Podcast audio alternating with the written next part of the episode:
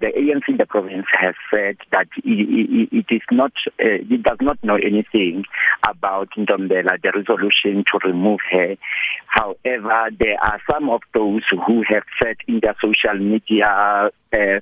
uh, pages that Ndombela Ndombela has been, the resolution has been taken that she must be removed and the affirmation therefore should be coming from the NEC after the PAC have made such a resolution but from the ground what we have heard as we have been moving around and speaking to some of the political parties we managed to speak to Action SA. The leader of Action SA in the Free State is Patricia Kopane who used to be the leader of the DA in the Free State. Now she has jumped the ship and she is now with Action SA whereby she was saying that as for her and the way she looks at things uh, is that Ntombela should leave uh, her position she should not even wait to be recalled by her own organization because this, uh, eh, what, what what confirms what she says is that Ntombela even in their recent congress the provincial congress she was not elected into the leadership position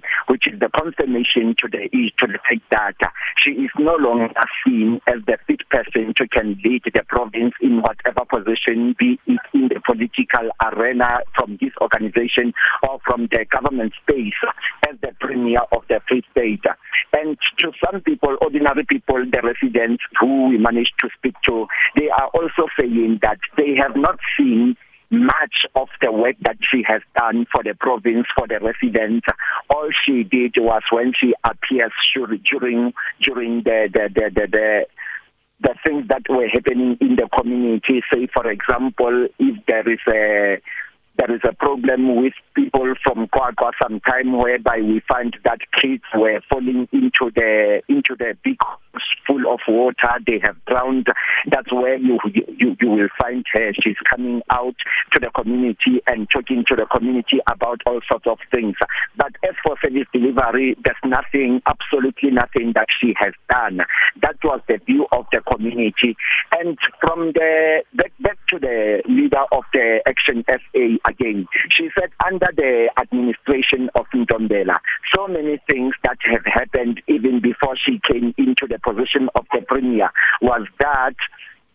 uh, she found the the the the, the project that was not finished whereby when she was the premier she was supposed to have at least finished those projects that that started in the administration of his of her predecessor is Magashule the, the one example is that of the Silver City and Dark City flats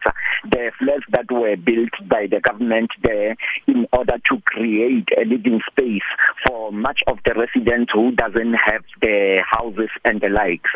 so those that project was never finished even un under her administration and it is the project whereby the government has invested a lot of money that amounts to 260 million rand